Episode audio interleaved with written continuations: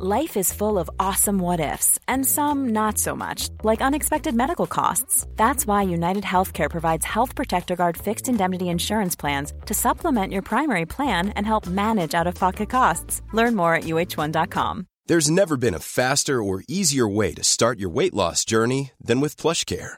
PlushCare accepts most insurance plans and gives you online access to board certified physicians who can prescribe FDA approved weight loss medications like Wigovi and Zepbound for those who qualify. Take charge of your health and speak with a board certified physician about a weight loss plan that's right for you.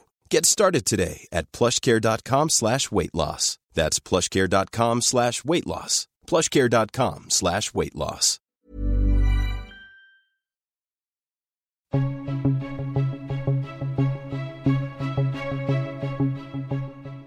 في الحلقة الأولى من بودكاست المستجد تحدثنا مع دكتور أمجد الخولي استشاري الوبائيات من منظمة الصحة العالمية في المكتب الإقليمي لشرق المتوسط.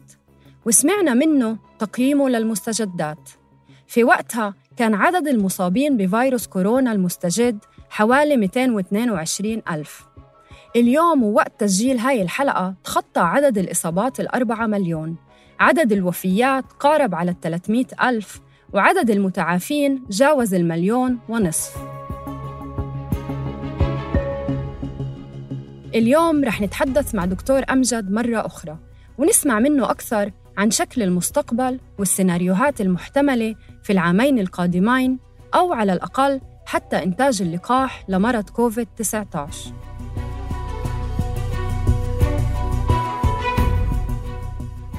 أنا عبير قبطي وعم تسمعوا حلقة جديدة من بودكاست المستجد. أنتجت هاي الحلقة بدعم من مركز بوليتسر دكتور أمجد إحنا تحدثنا معك قبل شهرين تقريباً وكنا في بداية الجائحة. بعد شهرين في بعض الدول اللي بدأت تخفف الإجراءات وبعدها حتى أعلن عن اجتياز المرحلة الأولى وبعدها يبدو حيدخل في مرحلة تانية. ممكن تحكي لنا شوي عن وين الدول العربية؟ في أي مرحلة هي؟ الحقيقة صعب جدا إن إحنا نوصف الدول العربية كلها في وصف واحد.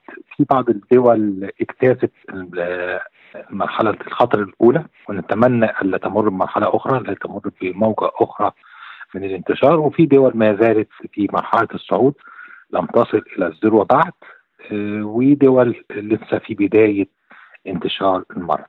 ففي عدة سيناريوهات حاليا بتسير في مختلف الدول العربية نتمنى أنه يتم انحصار المرض بشكل أسرع والدول اللي استطاعت إن هي تجابه الموجة الأولى ألا تتعرض إلى موجة أخرى وبنطالب الجميع باستمرار الجهود الاحترازية والوقائية لمنع الانتشار ومنع حدوث موجة أخرى. طيب دكتور أمجد بعتقد أنه أكثر سؤال بيتم التداول فيه في هاي المرحلة هو كيف رح يكون شكل المستقبل؟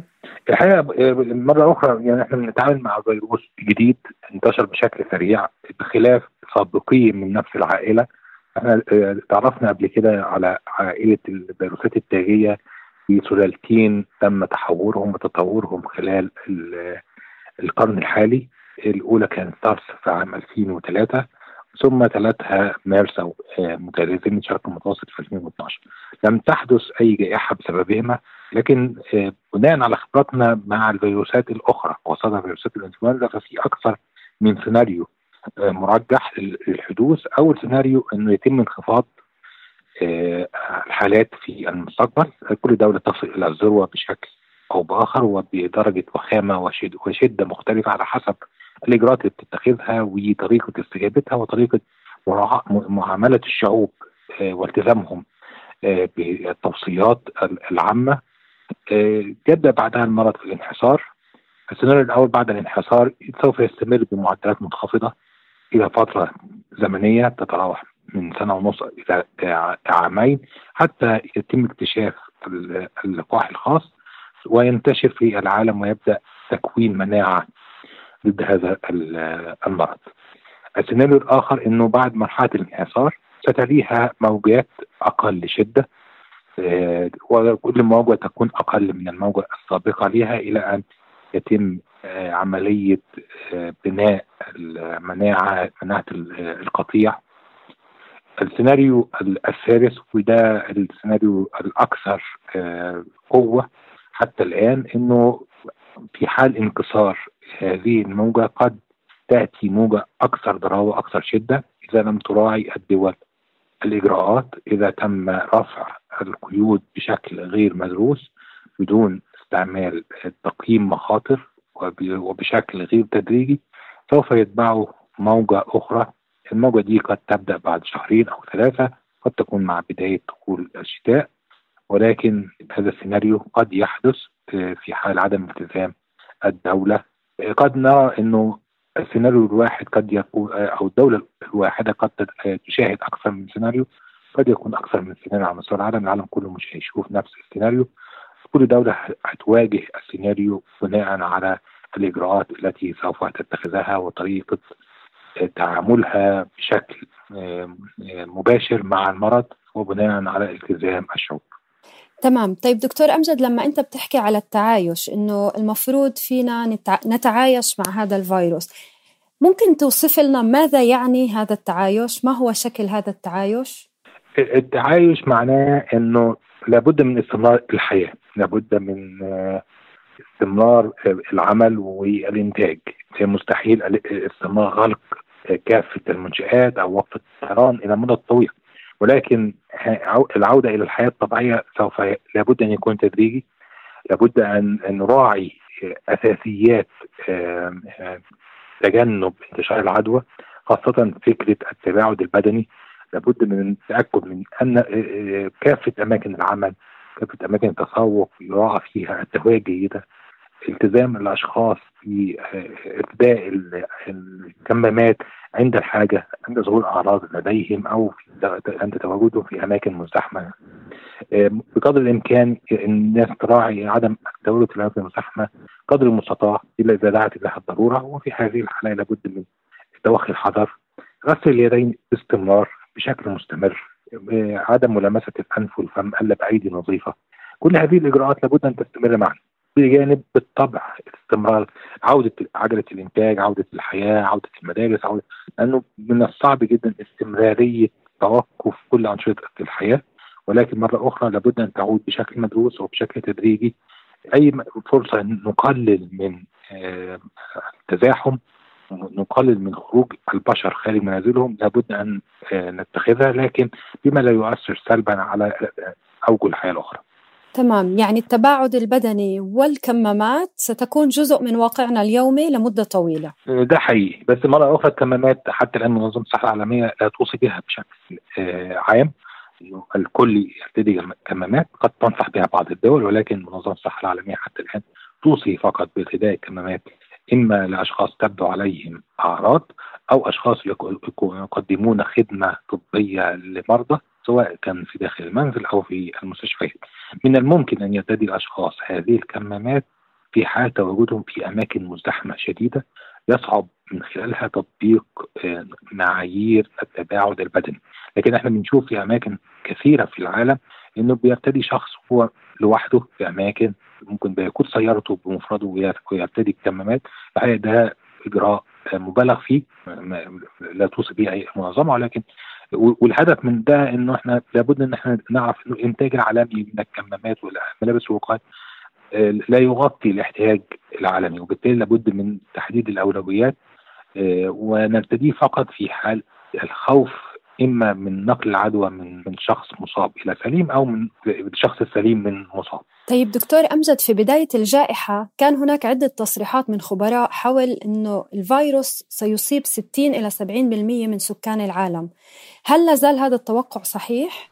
مرة أخرى صعب جدا تحديد نسبة الأشخاص اللي ممكن يصابوا طبعا كل الأرقام واردة الفيصل هو الإجراءات اللي بتتم الوعي لدى الناس اكتشاف الحالات وقدرات كل دولة صحية على اكتشاف مبكر الحالات وعزلها بالإضافة على تسريع وتيرة العمل لاكتشاف لقاح.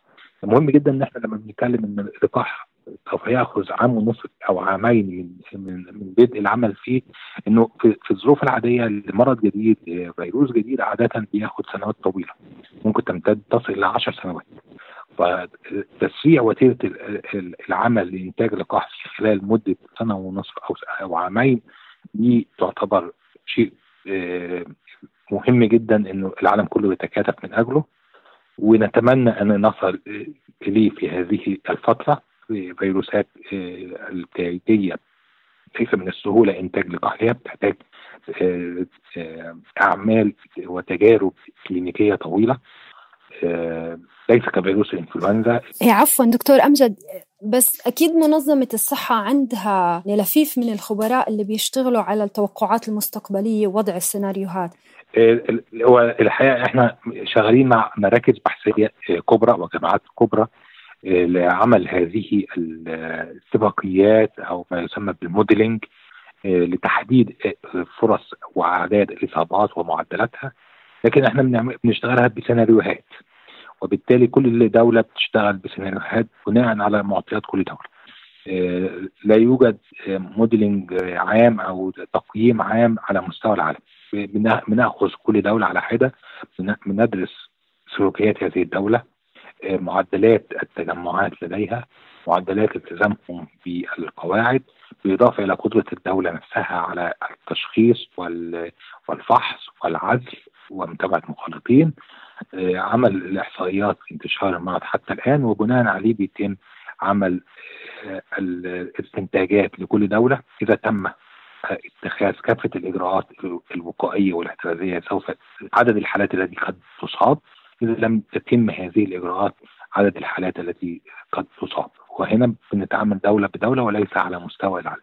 طبعا من الممكن تجميع هذه الحالات على مستوى العالم ولكن حتى الآن إحنا بنشتغل دولة بدوله لمساعدة الدول في تحسين إجراءاتها وتقييمها ويكون كل القرارات الخاصة بالصحة العامة قرارات مبنية على أدلة علمية آه، نراعي فيها المخرج النهائي هو حماية البشر وتقليل عدد الوفيات والإصابات بناء على معطيات ثابتة ومعدلات رياضية. طيب دكتور أمجد بخصوص الموجات اللي حكيت عنها يعني كمان الناس بتسأل على موضوع الإغلاق يعني هل سيتم مع كل موجة مرة أخرى إغلاقات عامة وعزل عام في الدول أو في يعني ببعض الدول حسب السيناريوهات المختلفة للدول المختلفة؟ الصحة العالمية منذ أيام قليلة أصدرت أدلة إرشادية خاصة بال الإجراءات الصحه العامة سواء من ناحية التقييد والإغلاق أو رفع القيود والانفتاح. ووضعت بعض الشروط لابد من توفرها لأي دولة حينما تقرر فتح هذه أو رفع مثل هذه القيود أو إضافة قيود جديدة. من ضمنها قدرة الدولة على انتشار منع انتشار المرض موضع الدولة من المنحنى الوبائي هل هو في حالة صعود أو أو انخفاض؟ من الصعب جدا إن إحنا ننصح أي دولة في المرحله الحاليه من رفع القيود في حالة آه، ارتفاع المنحنى الوبائي. نفس ما نقوله الآن سوف يتم تطبيقه في حال وجود موجات أخرى. بالطبع مرة أخرى إحنا بنتعامل مع مرض جديد بنتعلم من خبراتنا. لكن إحنا وجدنا إنه بعض أعمال الإغلاق وليس كل الاعمال الإغلاق لها دور كبير في منع انتشار المرض وفي وسائل أخرى من الإغلاق أو إجراءات شديدة اتخذتها بعض الدول بناء على الدراسات التي قامت حتى الآن لم تثبت فاعليتها بدرجة كبيرة. آه، وبالتالي أكيد لو في موجة أخرى لم ننصح بها المره الثانية وسوف يزداد النصح والتركيز على الاجراءات الأكثر فعالية. في مجموعة من الأبحاث بتدور حاليا لتقييم كل إجراء وتأثيره على انتشار المرض ومدى فعاليته وبناء عليه سوف يتم تعديل هذه الأدلة الإرشادية في حال وجود موجات أخرى.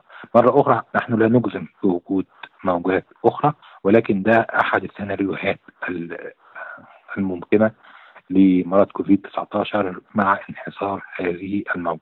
نعم.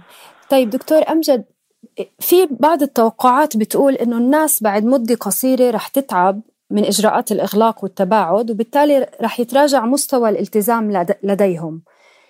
ما هي النصائح في هاي الحالة؟ إجراءات الإغلاق الشديدة هيكون من الصعب تطبيقها على مدى طويل. لذا كل دولة لابد من تقييم فعاليتها و طرق رفعها بشكل تدريجي آه، لكن هناك الالتزام القواعد الأساسية والبنود الأساسية التي لا يجب تخطيها بشكل أو بآخر النظافة الشخصية وآداب السؤال والعطس والتباعد البدني الدول العالم بدأت بشكل تدريجي وفي للأسف بعض الدول بدأت تعلن حتى الآن لم لم تقوم بهذا بشكل عملي ولكن بدأت في بعض الإعلان عن آه، انفتاح بشكل سريع وبشكل متسرع. نامل إنه تكون مجرد إعلانات ولكن وقت آه، عند التطبيق يكون هناك تقييم مخاطر بجد ويكون هناك تطبيق تدريجي لهذا الانفتاح. وإلا سوف نواجه كارثة أخرى أو موجة أخرى شديدة. ستلاحق هذه الدولة. دكتور أمجد شكرا كثير لك. شكرا جزيلا شكرا لك. اذا حتى بعد أشهر من ظهوره ما زال العلم بيجهل الكثير حول الفيروس وسلوكه المحتمل. إحنا أمام ثلاث سيناريوهات متوقعة. إما انحسار الموجه الحاليه وانخفاض تدريجي في حدة الانتشار أو انحسار الموجه الحاليه تليها موجات متقطعة أقل شدة أو السيناريو الأكثر توقعا انحسار هذه الموجة ومن ثم وصول موجة أشد ضراوة بحلول الخريف والشتاء. تختلف السيناريوهات بين دولة وأخرى وفق إجراءاتها والتزام مواطنيها بتدابير الوقاية اللي يبدو حتكون جزء من واقعنا اليومي في العامين القادمين أو إلى حين إنتاج اللقاح. كنا معكم في التقديم والإعداد عبير قبطي في التحرير محمود الخواجة والمونتاج تيسير قباني تذكروا تشتركوا في قناة بودكاست المستجد على أي منصة بودكاست بتفضلوها لتوصلكم تنبيهات بالحلقات الجديدة كونوا بخير وعافية